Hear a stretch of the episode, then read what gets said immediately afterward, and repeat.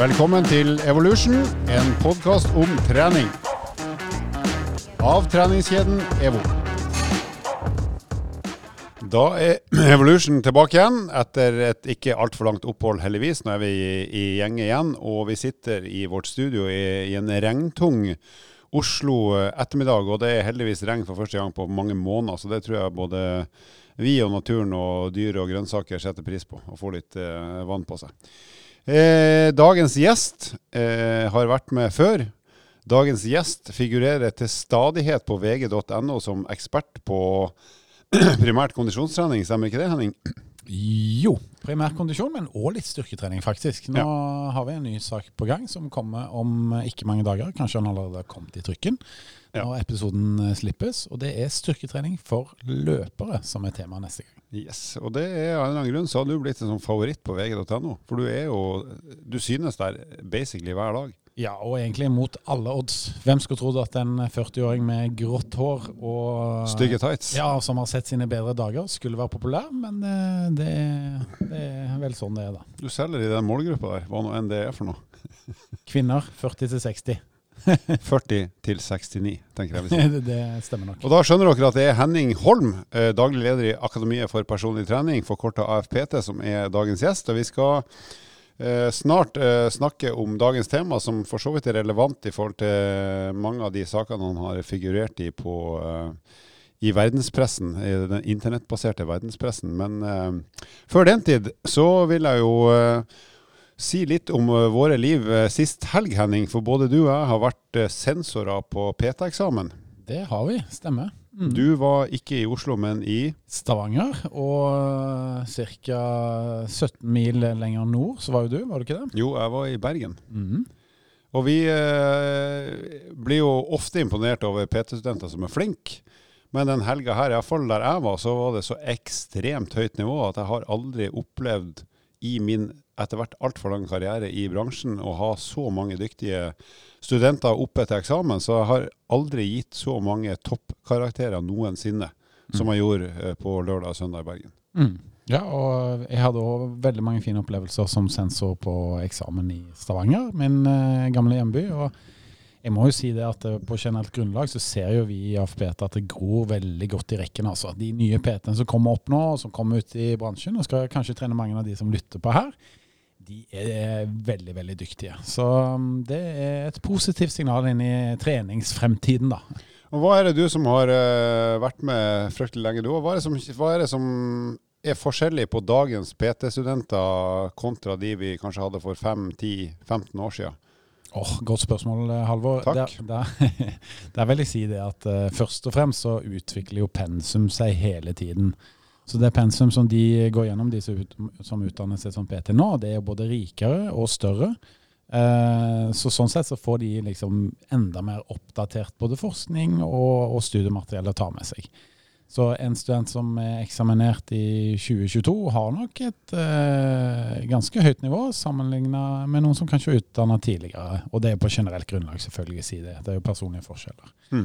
Eh, samtidig så ser vi òg det at eh, i dag så kommer veldig mange av studentene de kommer fra treningssenterverden. Så de har eh, trent masse på treningssenter selv. De er glad i primært styrketrening, kanskje. Noen òg i kondisjonstrening. Eh, og de har den lidenskapen da, som de brenner for trening. Og da blir det ofte en bedre PT selv når du går ut i markedet. Og så har jeg sett en tendens, syns jeg iallfall, det er at det er stadig flere jenter eller damer eller kvinner i, av den totale Altså det er jo flere og flere som blir PT-er, men Ja. at det er stadig flere jenter. Så jeg ville ha sagt at det er vel kanskje nærmere 70% av deltakerne er jenter. Stemmer det sånn over langen? Det er riktig observert, for det er ikke mye Det er jo ganske overraskende for en såpass gammel mann som deg, at du henger med i svingen enda. Jeg klarer å telle til 100% Men det er flere kvinner og jenter eh, nå enn det var tidligere, og det er jo utrolig positivt for bransjen. Vi har jo vært eh, et mannsdominert yrke i mange år, så dette er positivt, og det tror jeg òg PT-kundene setter pris på. De har ulike preferanser de òg, på hvem de har lyst til å trene med. Eh, og så ser vi jo det at eh, mange av studentene er unge. Eh, samtidig så er det òg en del som er unge voksne og voksne som har lyst til å gjerne omskolere seg, satse på et nytt yrke osv. Så, videre. så det finnes Peter eh, I alle kjønn og i alle aldre, og det er positivt. Jeg hadde et par av de som jeg var sensor for, var jo eh, faktisk på min egen alder, altså 50 og 50 pluss. Mm. Og det er jo også litt kult å se. Og det er jo folk som har jobba i mange år i en god jobb, men de har rett og slett funnet at jeg, jeg har lyst til å gjøre noe som gir meg glede og energi hver eneste dag. Så hvorfor ikke da trene både sjøl og trene andre. Og Det syns jeg er kult, å se at de tar et sånt sprang. Ja, og det som er enda kulere, det er at eh, medlemmene der ute på treningssentrene tar jo godt imot eh, de voksne PT-ene. De ønsker jo eh, gjerne eh, voksne PT-er, altså ikke alle, men veldig mange ønsker det. Og, og sånn sett så har vi jo sett, og og når jeg jobbet i EVO tidligere, at voksne PT-er ofte lykkes ganske bra. Jeg tror på meg jeg kanskje skal ta motsatt steg, at jeg skal slutte å drive med trening og heller få meg en ordentlig jobb. Kunne det vært noe? Ikke sant? En, kje, en kjedelig, ordentlig jobb. Nei, det, jeg syns du skal holde deg i treningsbransjen. Vi trenger en fargeklatt som deg. Tenk deg det, jeg, har, jeg, er snart, jeg er snart pensjonist. Neste år så skal jeg gå i 1. mai-tog og, og, demonstrere for at jeg vil ha bedre pensjonsrettigheter. Ja, det er vel strengt tatt 18 år til, er det ikke det? Til du er pensjonist? Hva er det 69 man blir? da man blir pensjonist.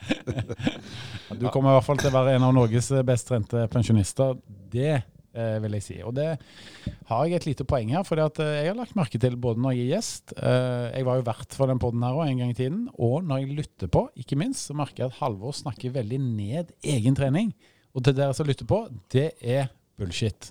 Halvor er i knallform, altså. Eh, og eh, bare noen sånne kontrollspørsmål. Trener du hver dag? Hvis jeg kan, så gjør jeg det. Men det er sjelden eh, det går i praksis. Men et eller annet får man som regel til. Hvor mye tid per uke har du i sone én eller to? Uh, om, om, sommeren når det er lange sykkelturer, så er det ganske mye. På vinteren når det er innendørstrening, så er det ganske lite. ja, det er ganske mye med andre år. Og sone fire-fem? Det er også ganske mye. sånn på ei uke nå, så er det vel fort en time, halvannen. Ja, time i hvert fall. Og hvor mange serier har du med brystpress per uke? Eh, minst 15. Helst 20. Men uh, det, det, som er med Halvor, det er at han, uh, han, har et overraskende høyt nivå. Også. Så jeg er jo drøyt ti år yngre, nesten ti år yngre. Og når jeg sykler med Halvor, da sliter jeg med å henge på. Altså. Og, du begynte å sykle i forgårs, så det kan ha noe med saken å gjøre? Ja, men jeg er i allround eh, ganske OK form, det vil jeg si. Uh, I hvert fall i forhold til den generelle vanlige befolkningen. I hvert fall i forhold til nabolaget ditt. Ja, det kan jeg si. men uh, bare så dere vet, vet det nå, folkens. Halvor er egentlig ganske god form. Så neste gang jeg drar en sånn at han ikke er det, det så er det nok. Det er sant. Jeg sammenligner meg med de som er gode, vet du. Da er man ikke så god likevel. Og det tror jeg er smart for hodet mitt, i hvert fall. Mm. Så det er en mental strategi, dette. Men uh, du har ikke sagt noe om at jeg egentlig er pen òg, for jeg pleier å si at jeg er stygg, men det har du ikke sagt noe om. Nei, det vil jeg helst fra, stå fra å si noe. For det er sant. Ingen kommentar. Helt sant.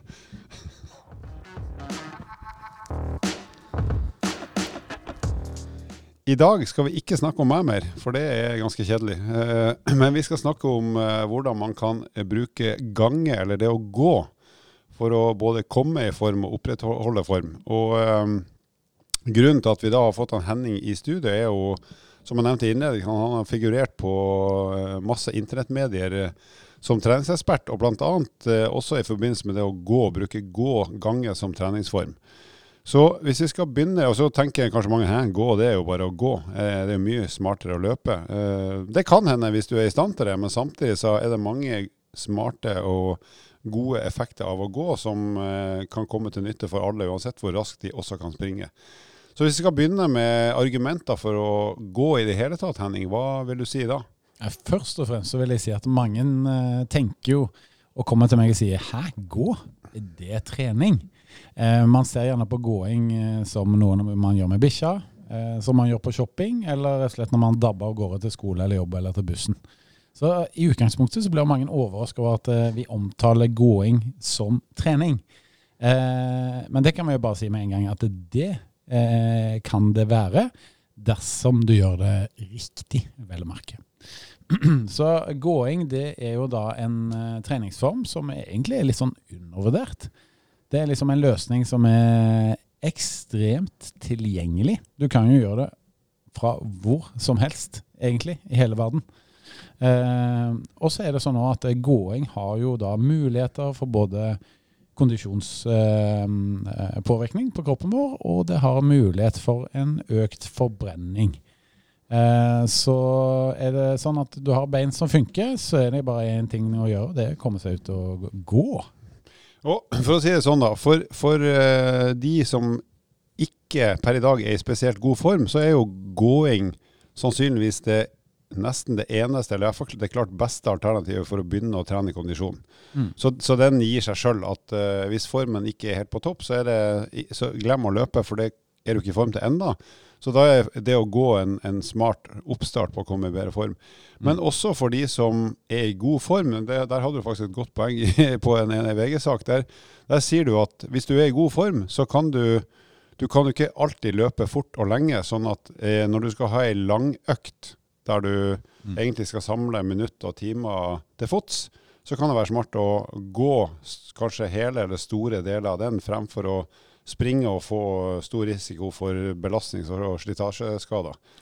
Ja, og der er du inne på et, det første svaret, vel, på, på hvorfor gåing er en effektiv treningsform. Og det, det er punkt én at du faktisk eh, får en større mulighet til mengdetrening, da. Eh, og gåing, eh, det tåler vi veldig, veldig mye av eh, på generelt grunnlag. Og til og med om du ikke er så veldig god form, så, så tåler du gjerne å gå hver dag og, og gjøre det ganske mye. Og, om enn mer og mer selvfølgelig etter hvert. Og som du sier, så passer jo dette for alle, og spesielt kanskje de som ikke er så god form fra før. Vi vet jo at eh, de eksempel som bærer på litt ekstra vekt, eh, er overvektige og ønsker å komme i bedre form, eller ønsker en vektreduksjon.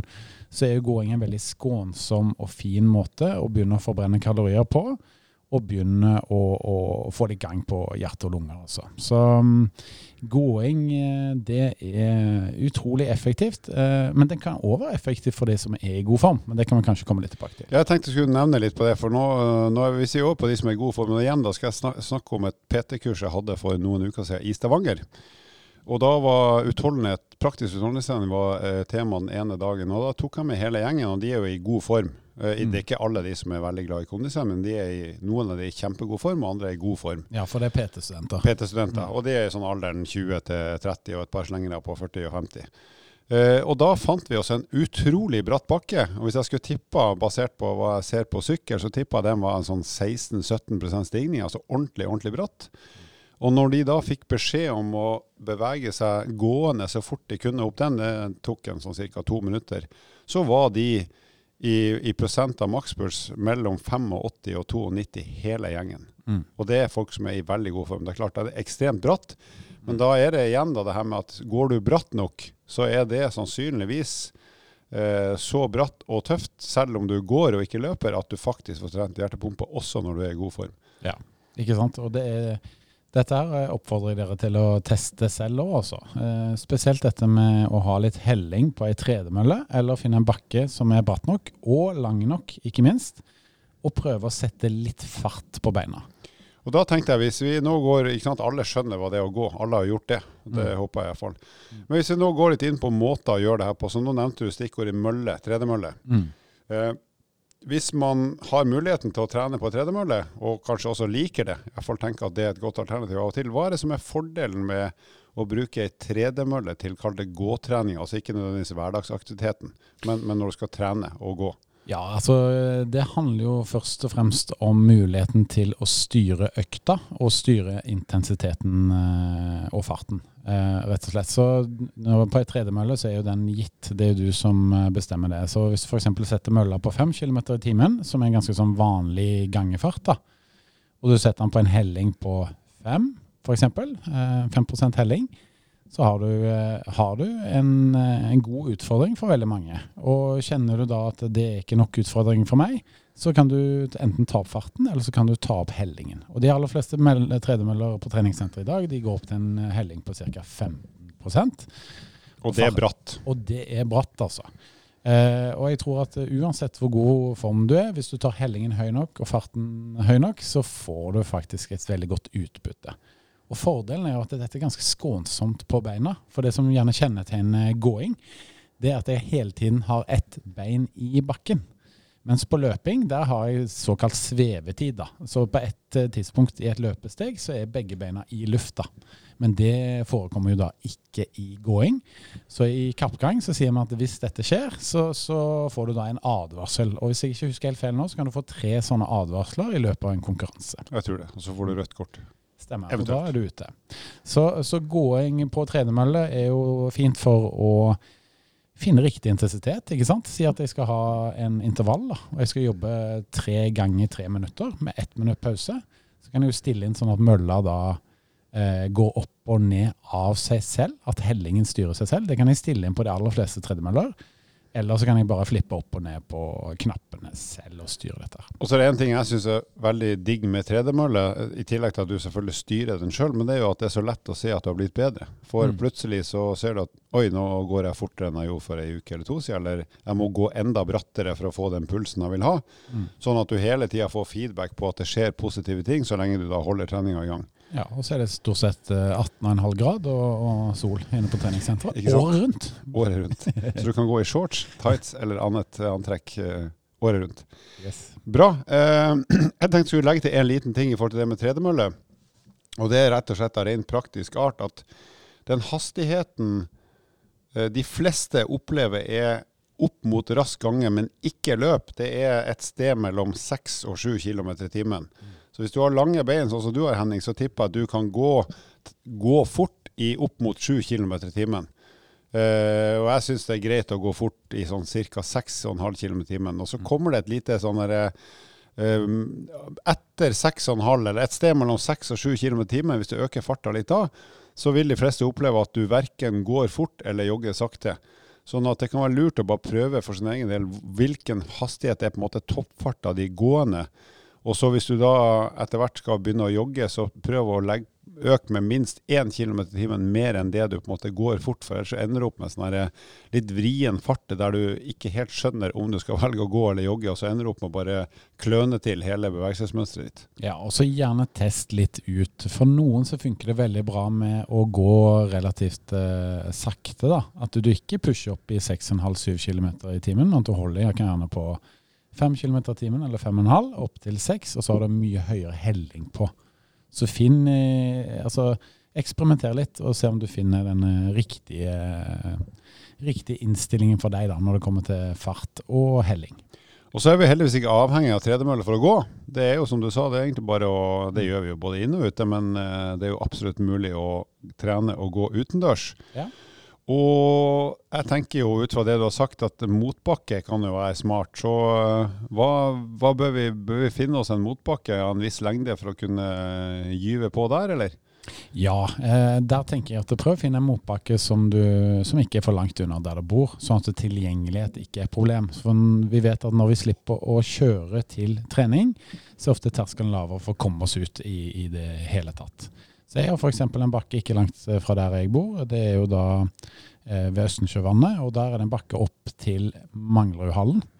Eh, hvis jeg går opp den bakken i ganske radig tempo, så tar det ca. 3,5 til 4 minutter. Eh, da er jeg nesten på toppen. Eh, hvis jeg løper, så tar det mye kortere tid. Eh, da er jeg ca. på to minutter. Men men um, det er jo en type bakke som jeg kjenner godt til. Den er passe bratt, sånn at jeg har et steg som passer mine lange bein. Jeg kan fint holde en uh, hastighet på 6-6,5 km i timen. Um, og så er det sånn at det, jeg kan sammenligne fra økt til økt, så jeg vet da hvordan jeg ligger an. Er dagen i dag en god dag? Eh, ligger jeg på det tempoet jeg burde? Og så, videre. så når bakken er kjent, så har jeg litt av de fordelene som tredemølla har. At, at jeg, eh, får litt feedback da på hvordan dette egentlig ligger an. Og når du da, La oss si at du skal trene intervall i den bakken. Nå er den bakken eh, og så har du ca. tre minutter, tre-fire minutter, mm. så er du på toppen. Mm. Hvordan ville du da fordi Noen har en bakke som er uendelig, og da kan du egentlig bare gå og gå og så ta pauser. Mm. Men uh, de fleste av oss har bakker der vi på et eller annet tidspunkt må gå litt nedover for å kunne ja. gå opp igjen. Så hva, hva er det som er lurt å gjøre der i forhold til intervallengde og skal man gå nedover, eller hvordan løser man det i praksis for å få en god økt? Ja, Hvis du jobber tre, fire, fem minutter oppover, så er det jo det, det vi kaller for en langintervall. Eh, og langintervall det er jo gjerne for de som har litt, eh, kommet seg litt i gang med treningen. Eh, du har begynt å få opprettholde eller prøve å pushe en ganske bra form. Eh, og, og um, du har nok litt sånn mål med denne treningen din, da. Eh, så å jobbe med såpass mange minutter med intervaller, det krever jo at eh, man gjerne har lyst til dette her. For det er jo litt tid med litt ubehag Mm. som, som hører hjemme. Men eh, jeg vil si det at eh, hvis jeg da kjører fire, fem eller seks sånne, som er en ganske stor økt, så er den eneste utfordringen med gåing, det er jo da pausetiden. For jeg sier stort sett at en pausetid på en intervall, det skal gjerne være omtrent halvparten av arbeidstiden. Så hvis jeg jobber fire minutter, så har jeg to minutter pause. Så går det an å, å eh, trikse og mikse med det, men det er sånn generell standard. Og vi vet jo at hvis jeg, hvis jeg skal gå ned hele bakken, så tar det kanskje bitte litt fortere bare enn Ja, for det er ikke så stor forskjell på farta. Ja, så et tips der når du begynner å bli i bedre form, det er kanskje at du jogger ned. For da, da hvis du jogger ned, eh, så har du kanskje, kommer du ned på halv, den halve tiden da, og da er det en effektiv intervall. Hvis du derimot har en veldig lang bakke, så vil jeg bare gått rusla litt nedover. Eh, gjerne ta tiden på pausen min, at den er ca. to minutter hvis jeg har fire minutters arbeidstid. Og så snur jeg om, og så går jeg videre opp. Og det er jo drømmesitsen. Jeg har en bakke der jeg bor, der jeg faktisk kan gå, gå oppover. Men da går jeg ned til enden av bakken først, da, som liksom oppvarming. Og så går jeg, jeg går bare tre minutter, da. Men da går jeg nedover i halvannet minutt. For da, hvis jeg da går nedover, så starter jeg jo Mm. Da på en måte vinner jeg litt sånn terreng for hvert drag, eller omvendt. Jeg taper terreng. Vil si at da, Ja. da rekker jeg å ha seks intervall før jeg kommer på toppen. Yes. Hadde jeg bare stått stille og venta, så hadde jeg bare klart fire og et halvt. Ja, og så har vi sikkert noen ivrige her nå som løper ganske mye, eller på ganske høyt nivå da, i treningen sin, som tenker ah, det går greiene, det er ikke noe for meg. Og Der vil jeg komme med et lite tips. da, og det er at eh, De dagene hvor du er litt eh, sliten, du kanskje du har veldig tunge eller støle bein, eh, generell form er kanskje ikke helt på topp, så vil jeg anbefale at dette kan være en fin måte å få trent på i det hele tatt. da. Så istedenfor å ta fri, noen ganger skal vi ha fri og restituere oss, men hvis du egentlig har lyst til å trene, føler at formen ikke er helt på topp, så kan dette være en, en sånn god plan B da, til de dagene her. Så test gjerne ut. Og eventuelt som mange gjør, da, særlig gode løpere, når de har en lang langtur som bare skal være kjempelang, så kan de, og de skal regulere intensiteten, så går de f.eks. i absolutt alle motbakker. Og så jogger de kanskje, eller løper veldig sakte og kontrollert på flata og nedover. Så da får du en sånn god intensitetsstyre ved å rett og slett ikke tvinge deg selv til å løpe i enhver bakke. Akkurat. Mm. Ok, men eh, la oss da prøve å komme med noen konkrete råd eller tips. Eh, hvis vi først begynner med den her eh, gåturen som ikke er noe intervall, men du, nå snakker vi altså ikke om hverdagsaktivitet, men vi snakker om den, den eller de gåturene du har i løpet av uka der du tenker at nå skal jeg gå for å trene, men jeg skal ikke bli så sliten at jeg skal trene intervall. Det sparer jeg til én eller to ganger i uka. Ja. Så nå har vi den gåturen som ikke er intervalltrening, men som er rett og slett for å opprettholde god form og helse. Hvor, hvor hardt eller fort skal man gå da, og hvor lenge bør man holde på hvis man gjør det si, kanskje to ganger i uka? da? Ja, da vil jeg i utgangspunktet si at du prøver i hvert fall å komme deg opp på 45 minutter. At du har 45 minutters gange. Gjerne mer òg, hvis du har tid til det. Eh, og sett gjerne et mål på, på um, eh, distanse. Eh, jeg pleier å gi råd på at du minst skal ha fem kilometer. Og det kan høres litt mye ut, men samtidig så er det sånn at eh, du må ha en del innsatstid her. Eh, og hvilken sone skal ligge i? Gjerne den sonen der at du klarer å prate i korte setninger, eh, men heller ikke mer.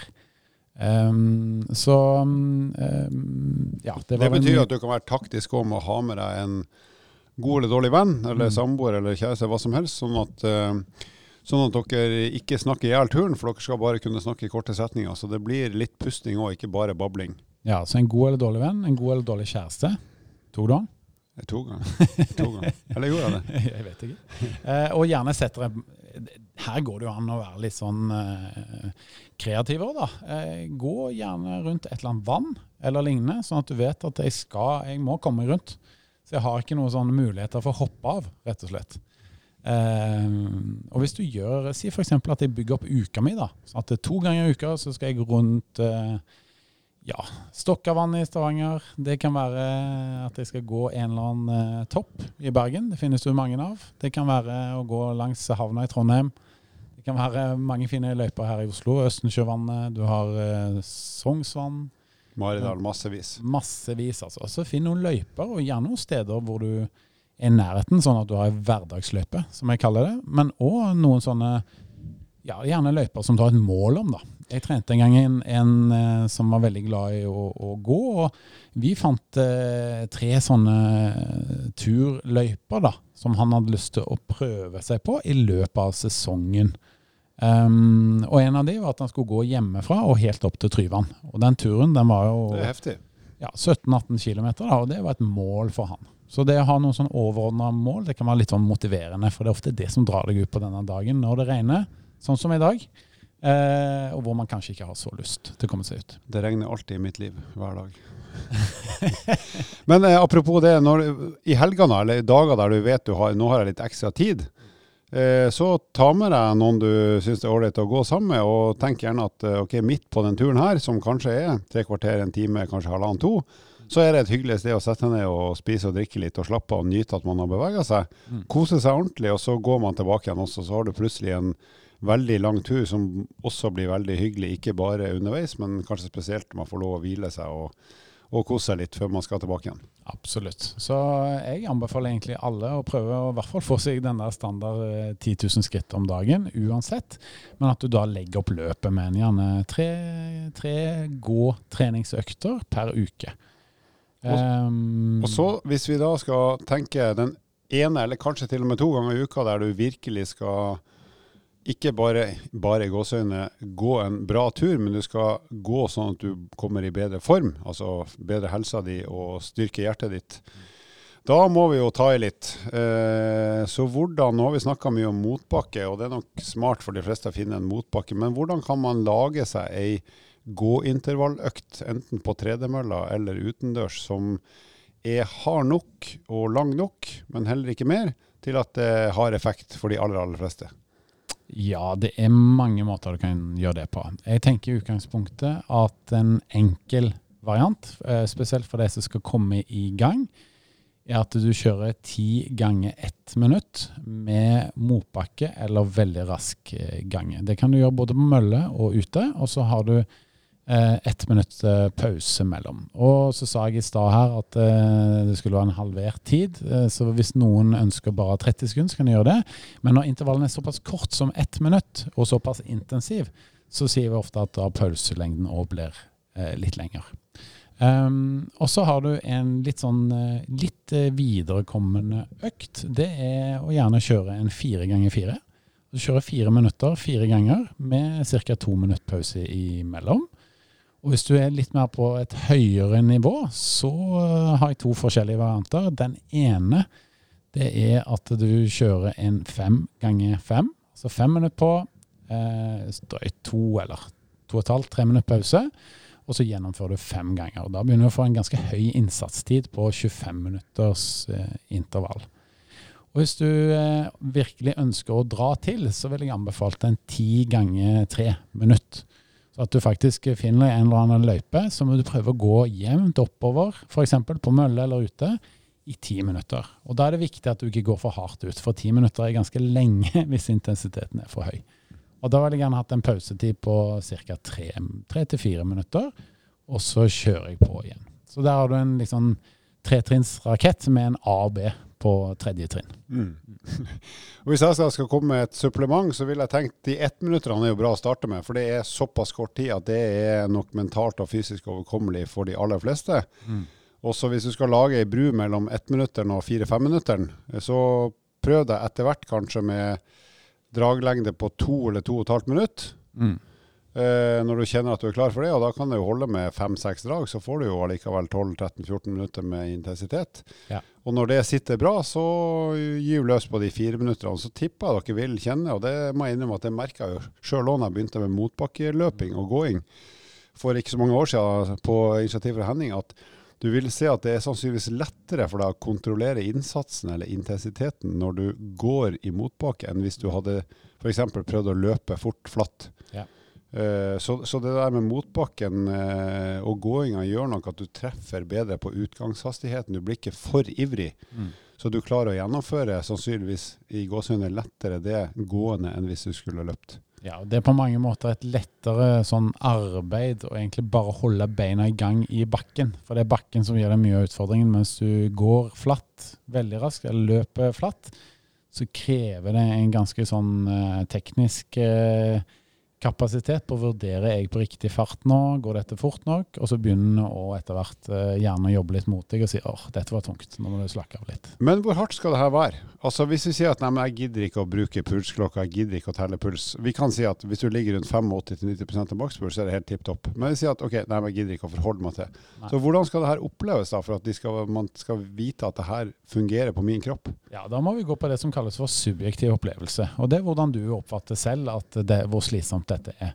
Og Der vet vi at vi mennesker er veldig forskjellige fra hverandre. Noen er flinke til å pushe seg selv knallhardt, og noen, noen av oss eh, liker det virkelig ikke. Noen av oss, nemlig deg, liker å jogge ganske rolig. Da må jeg si andre, Men lenge. Ingen, kommentar for andre gang i dag. Nei da. Um, jeg, må i hvert fall si at jeg, opplever det som mye lettere å pushe seg i motbakke. Så hvor slitsomt skal det være? Der kan vi si at du merker at når du begynner å bli så andpusten at, at du ikke hadde klart å snakke disse små setningene. Eh, du merker gjerne òg at du får sånne tanker åh, nå tror jeg ikke orker så veldig mye lenger. Du skal ha litt av den opplevelsen der, men samtidig skal det ikke være så tungt at du må stoppe. Ja, så, det kan være en sånn grei tommelfigur. Altså, så andpusten, tungpusta, men likevel i hvert fall i stand til å kunne svare både ja og nei, og til og med i korte setninger gjennom hele intervallet. Mm. Da er du nok i nærheten av noe som er bra for helsa og hjertet. Ja, men du skal kjenne på respirasjonen din at dette er sånn Det skal være ordentlig sånn, altså. Du skal høres ut som ei harabikkje. Eller en kolspasient. Men jeg har lyst til å nevne en ting, da, hvis det er OK. Eh, Jeg vet jo ikke, for du har ikke sagt den ennå. Nei, Du får prøve. sant. Det er sant. Jeg tar selvkritikk på den. Eh, det er at eh, Ja. eh, det er gåbok som kommer snart, som, som jeg har skrevet sammen med gode kolleger og medforfattere. Og den heter 'Ingen ringer enn klar, ferdig, gå'. Bra tittel. Hvem har funnet på den, tro? Det, Det vil tiden vise. det vil tiden vise. Det kommer i sosiale medier nær deg. Bra, folkens. Da eh, håper vi at dere har fått noen praktiske tips på hvordan du kan gå deg i form, og hvis du er i form, hvordan du kan bruke gåing til å opprettholde form eh, uten at du alltid trenger å løpe. Så inntil eh, vi høres neste gang, så ønsker han Henning dere riktig hell og lykke på turen. Ja, det går, det.